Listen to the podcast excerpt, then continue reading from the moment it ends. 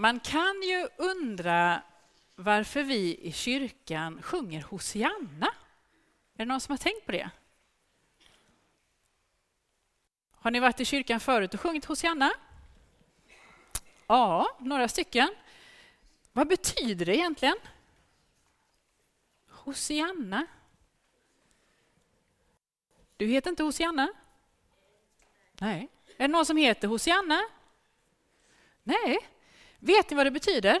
Det betyder både hurra och hjälp. Och det kan vara bra med tanke på vad jag ska berätta nu. Ebba och Steve hade haft en väldigt intensiv vecka.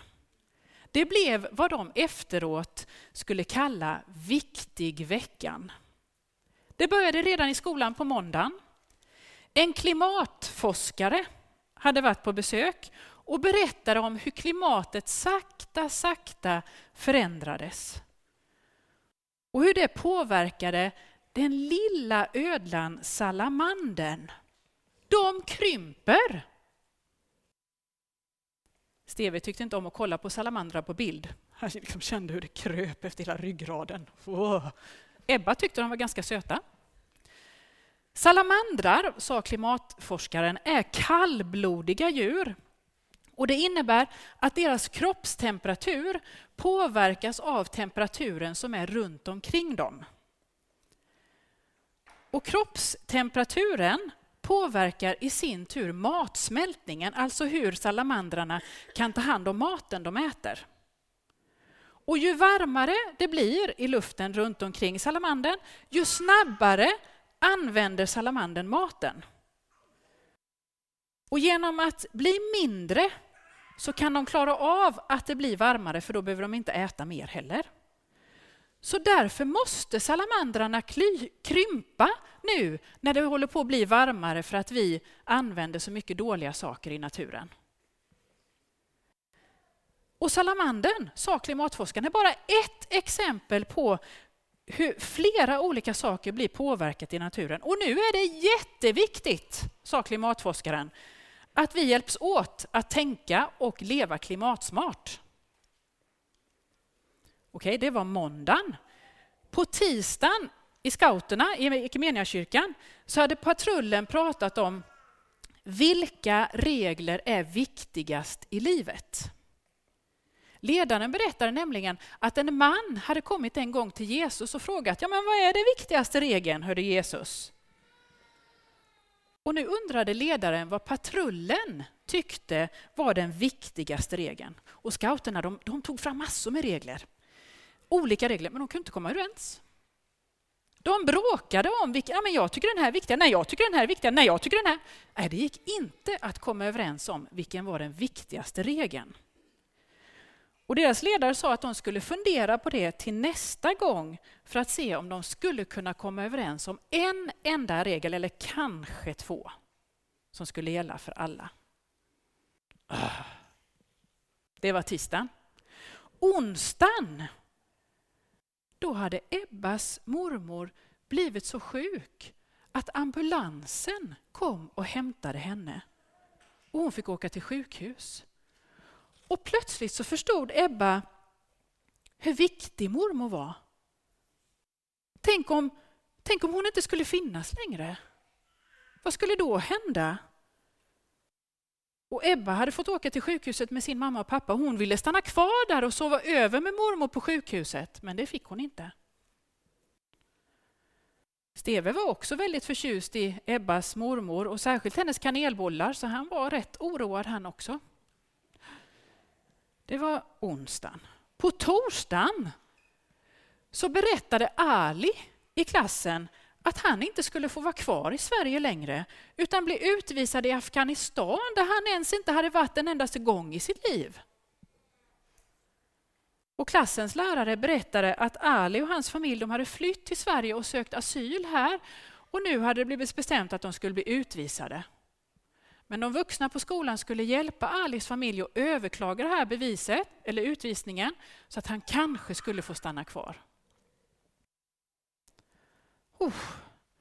När Ebba och Steve gick hem på torsdagen så kändes det som om livet höll på att koka över. Nu var det bara för mycket som var viktigt. Naturen behövde omedelbar hjälp. Mormor var på sjukhuset och Ali skulle få åka till Afghanistan där det till och med var krig. Och så skulle de fundera på vad som var den viktigaste regeln. Ja, men, sa Ebba, den viktigaste regeln det måste ju handla om att vi, att vi måste ta hand om naturen nu, för det, det är ju bråttom, sa ju han forskaren. Det är ju snart för sent. Ja, men tänk på din mormor då, sa Steve. Vi måste ju ha en regel om att vi är tillsammans med dem vi tycker om innan det blir för sent det också. Ja, just det, Ebba höll med och kände hur det liksom sved till i magen. Mormor hade visserligen blivit piggare av medicinen som hon fick på sjukhuset, men ändå. Ja, och tänk på Ali också, sa Steve. Behöver inte regeln få handla om att man ska få bo där man vill och att man inte ska bli utvisad till där det är krig? Det är ju jättedumt. Ja, ja jag tycker det här är jättejobbigt, sa Ebba. Och hela vägen hem från skolan så försökte de hitta på den viktigaste regeln, men det kändes helt omöjligt. Jag står inte ut längre, sa Ebba.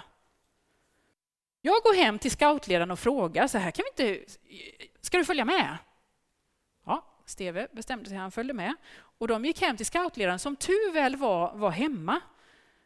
Men scoutledaren tyckte, men hallå, ni får vänta till scouterna, vi kan inte hålla på och tjuvstarta så här. Det tyckte Ebba och Steve var helt hopplöst. De berättade om sin viktig vecka och scoutledaren höll med. Nej, men det här är ju bara för mycket. Så scoutledaren bad dem komma in och de satte sig vid köksbordet. Och så berättade ledaren att när den här mannen hade kommit till Jesus och frågat vad som var det viktigaste budet, då hade Jesus svarat att det viktigaste det är att älska Gud av hela sitt hjärta, av hela sin själ, av hela sitt förstånd och hela sin kraft. Och sen kom regeln, du ska älska din nästa som dig själv. Amen. Ebba och Steve tyckte, nej det var konstigt. Ska det vara så himla viktigt att älska Gud? Var inte det ganska egoistiskt av Gud att säga att man ska älska honom sådär med allt liksom? Jo, sa ledaren. Det skulle det vara om Gud vore som vi. Då skulle det vara egoistiskt. Men nu är Gud annorlunda. Gud är kärlek rakt igenom utan att vilja roffa åt sig. Gud är den som har gett oss allt. Naturen, havet, människorna vi tycker om, livet, kompisarna, ja allt har Gud gett oss för att han älskar oss. Och om vi har som viktigaste regel, sa ledaren, att vi skulle bry oss om naturen, ja men vem skulle bry sig om människorna då? Och att vi bara ska bry oss om dem vi tycker om, ja vem ska bry oss om naturen? Men om vi älskar Gud, sa ledaren, då kommer den kärleken att liksom spilla över på allt det andra också. Eftersom Gud är som Jesus beskriver och liksom inte suger åt sig kärleken och behåller den själv. Och att älska Gud kommer därför att påverka oss att vilja vara rädda om klimatet, vara rädda om mormor, vara rädda om dem vi tycker om och att vara rädd om människor så att de kan få stanna kvar här och leva i skydd undan krig och konflikt. Och då skulle en enda regel kunna påverka precis allt, utbrast Ebba. Japp, sa ledaren. Ja, men Jesus är rätt smart, sa Steve. Ja, sa ledaren. Kommer ni ihåg berättelsen om David och Goliat? Ni vet den där lille killen som med en sten från bäcken besegrade den stora jätten. Ja, visst, sa Ebba och Steve. Kommer ni ihåg det? Ja, ni kommer ihåg det? Mm. En liten enkel regel kan besegra mycket av det onda. Det svåra är, sa ledaren, att ha modet att följa regeln. Att som David ha modet att göra det han kunde. Kämpa för det goda. Och där, sa ledaren, vet jag att jag behöver hjälp av Jesus varje dag.